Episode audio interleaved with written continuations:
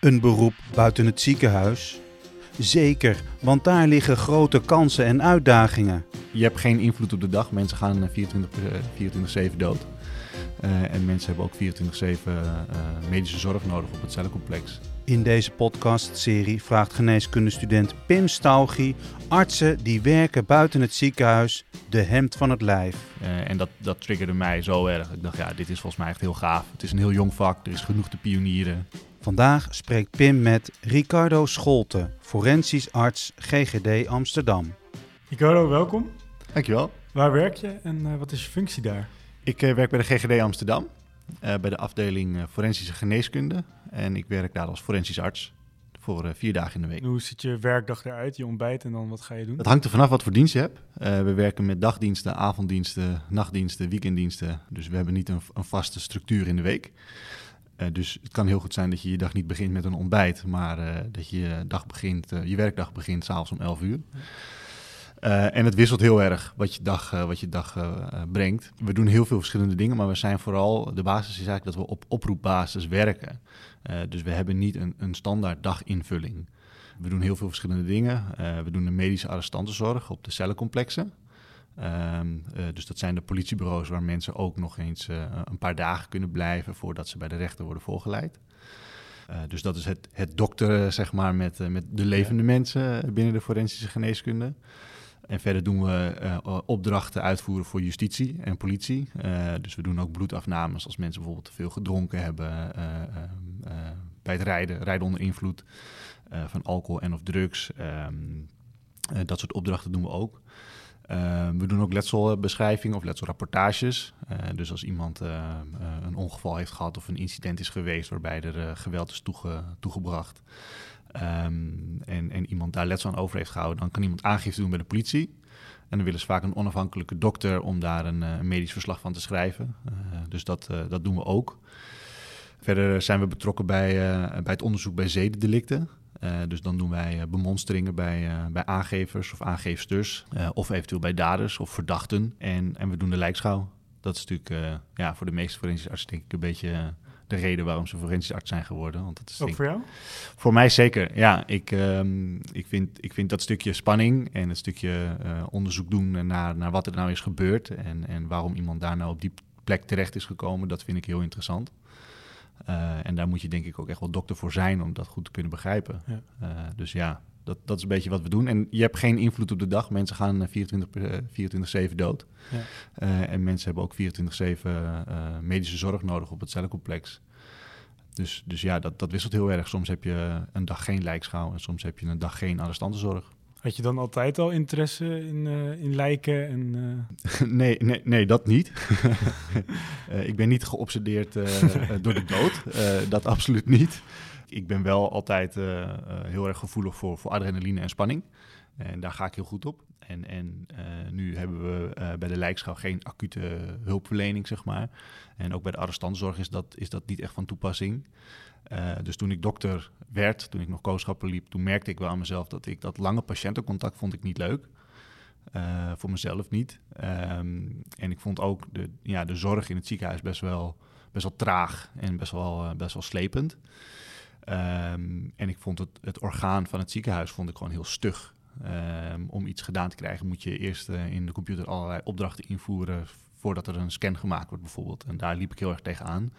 Dus ik was eigenlijk niet op voorhand al helemaal, uh, zeg maar, helemaal hoog de botel van de forensische geneeskunde. Dat is gegroeid omdat ik dat ziekenhuis uit wilde. Uh, en toen dacht van ja, ik wil, ik wil iets anders. Dus ik wilde iets exclusiefs, ja. iets met spanning. Een tijdje nagedacht over de uh, sportgeneeskunde. Um, daar ben ik niet aangenomen voor de opleiding. ja, dat heb je natuurlijk ook als, als arts, dat je dat wel eens tegenkomt. Um, dus toen ben ik een alternatief gaan zoeken. Um, en toen kwam ik er dus achter dat de forensische geneeskunde ook bestond, uh, waar ik eigenlijk niet van wist. Uh, en dat, dat triggerde mij zo erg. Ik dacht, ja, dit is volgens mij echt heel gaaf. Het is ja. een heel jong vak, er is genoeg te pionieren. Um, dus ik, ik, ik, ik vond dat vak heel uitdagend. Plus dat mijn vader uh, al uh, nou, tig jaar bij de politie werkt. Oh. Dus ik ben wel een beetje, een beetje opgegroeid met de verhalen, zeg maar. Ja. Um, maar ja, dat, dat was een beetje de reden om, uh, om erin te stappen. En een beetje aanhakend op wat je zei van... Uh, ik hield niet van al dat lange patiëntencontact... maar de, de patiëntengroep die je nu hebt, uh, voornamelijk arrestanten dan, denk ik. Ja. En uh, hoe ziet dat eruit? Je wordt opgeroepen en dan ga je naar het politiebureau en dan? Ja, de, de, de, de politie houdt iemand aan op straat, uh, om wat voor reden dan ook. Uh, openbare dronkenschap, niet kunnen tonen van een ID-bewijs, via de vreemdelingendienst, winkeldiefstal. Dus, dus politie heeft verschillende redenen om iemand aan te houden. En ook verschillende... mensen kunnen in een verschillende hoedanigheid zich dan presenteren. Sommigen zijn dus dronken, sommigen zijn dat niet. Uh, en de politie is geen medicus, uh, dus die hebben een, uh, een dokter nodig om te kijken of het verantwoord is om iemand in de cel te hebben. dus die bellen je dan van ja, we hebben een, een dronken arrestant. Kan je kijken of die inderdaad dronken is of dat er niet iets anders aan de hand is waarbij je moet denken aan een hypo hypoglycemie of, of een CVA of iets in, die, iets in die richting. En dan ga je er naartoe en dan, dan beoordeel je iemand. Kijk je of die insluitwaardig is, of die in de cel mag zitten. of dat je het nodig vindt dat hij naar het ziekenhuis gaat dus dat, dat doe je. Dat is eigenlijk altijd het eerste moment. Maar het kan ook heel goed zijn dat iemand uh, daar twee dagen moet zitten, uh, wachtende tot hij voorgeleid wordt bij de rechtercommissaris. Um, en dan, uh, dan heeft hij hoofdpijn of buikpijn of hij gebruikt medicijnen. en dan hebben ze natuurlijk, ondanks dat ze ingesloten zijn, hebben ze nog steeds recht op zorg. Net als iedere andere burger. dus je bent eigenlijk hun huisarts op dat moment. Maar je had al vrij snel door in het ziekenhuis van, nou, dit is toch niet de plek voor mij. En dan uh, ook via je vader was je toch dan uh, geïnteresseerd in het forensisch uh, deel. Wanneer wist je, dit is de juiste keuze voor mij? Ik denk, ja, ik denk toch ook wel na de eerste lijkschouw. en dat is, dat is, ja, toen dacht ik echt, kijk, de, in het ziekenhuis, ik heb twee jaar bij, bij de cardiologie en de longgeneeskunde in het OVG West gewerkt. En dat was een fantastische tijd. Dat was echt super tof en, en heel veel geleerd. En daar gingen ook mensen dood. En dat vond ik, dat, daar kwam natuurlijk een heel emotioneel aspect bij kijken met nabestaanden en uh, een, een, ziekteperiode, uh, dan wel heel kort, dan wel wat langer. En bij de lijkschouw, uh, bij de forensische, is, zijn er soms geen nabestaanden. is er soms helemaal geen ziekteperiode. en, en, ja, of bij een misdrijf, bijvoorbeeld verkeersslachtoffers, daar is natuurlijk iemand ja, misschien wel heel onschuldig komen te overlijden. Ehm, en toen, toen merkte ik wel dat, dat, dat ja, die interactie met, met zeg maar, het werkveld, ja, dat vond ik super gaaf. Um, de waarheidsvinding en, en kijken wat er nou is gebeurd, die reconstructie. Dus na, de eerste, uh, na het eerste echt niet natuurlijk overlijden op, een, op straat, zeg maar. Toen dacht ik, ja, dit is, wat, dit is het voor mij. Ja. ja hier wil ik nooit meer weg. maar het klinkt dus alsof jij echt op je plek bent. Maar hoe, uh, hoe raad jij medische studenten aan om ook op hun plek te komen? Wat moeten zij doen om nou hun specialisme te vinden? Dat is denk ik een hele, een hele goede en terechte vraag, omdat de huidige uh, opleidingsmethodiek is dat, je, dat, dat elke student, tenminste in mijn periode, dat is nog niet zo heel lang geleden, uh, ik ben vier jaar, vijf jaar geleden afgestudeerd uh, van de geneeskunde, was de trend altijd dat ja, je komt in het ziekenhuis terecht. Je wordt opgeleid met een witte jas en, en dat word je dan ook. Maar er is zoveel meer dan dat. Dus ik zou denk ik studenten adviseren om, om echt wel verder te kijken vanuit zichzelf. Uh, en ik zou ook de universiteiten en, en onderwijsinstellingen adviseren om, om ja, meer bekendheid te geven aan die, uh, aan die, aan die beroepen van arts buiten het ziekenhuis. Dus dat, dat in zijn algemeenheid. En, en studenten aan zich, ja, vraag raak. Vraag gewoon alle artsen die je ziet wat hun keuzes zijn geweest, wat hun overwegingen zijn geweest. en wat er gewoon te halen valt, ook buiten het ziekenhuis. Dat is echt, um, ja, dat is, dat is goud waard. Je, je, weet je, je kan in dat opzicht denk ik niet genoeg informatie krijgen. Dus, dus ja, eindeloos vragen stellen. Oké, okay, zal ik doen.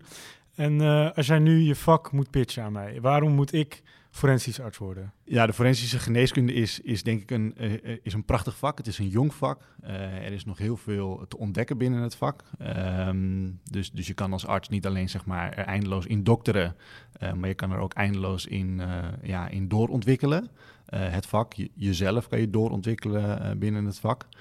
Um, je bent overal en nergens. Je komt overal en nergens. Je ziet, uh, een, je ziet een kant van de maatschappij die denk ik vanuit de maatschappij onderbelicht wordt. Um, dus het maakt je als mens heel rijk om, uh, om dit toe te voegen, uh, deze ervaringen toe te voegen aan je leven. Um, en ik denk dat je als dokter een, een cruciale rol kan spelen in die kant van de maatschappij. Want daar gebeurt echt heel veel en daar kunnen we gewoon ja, onwijs veel betekenen voor mensen het is denk ik niet, niet terecht als we neergezet worden als alleen maar werken met overledenen. Um, je kan ook echt wat betekenen voor, voor de arrestanten op het cellencomplex en uh, onder andere. Uh, dus het is, ja, het is veelzijdig, divers en, uh, en je maakt zoveel mee. Dat is, ja, het is een schat aan ervaringen. Ja. Oké, okay, dankjewel. Graag gedaan. je luisterde naar de podcast Dokters buiten het ziekenhuis. gepresenteerd door Pim Staugie. In deze aflevering sprak Pim met forensisch arts Ricardo Scholten. Wil je meer dokters buiten het ziekenhuis horen? Luister dan naar de andere podcastclips. Die vind je op studiovu.nl.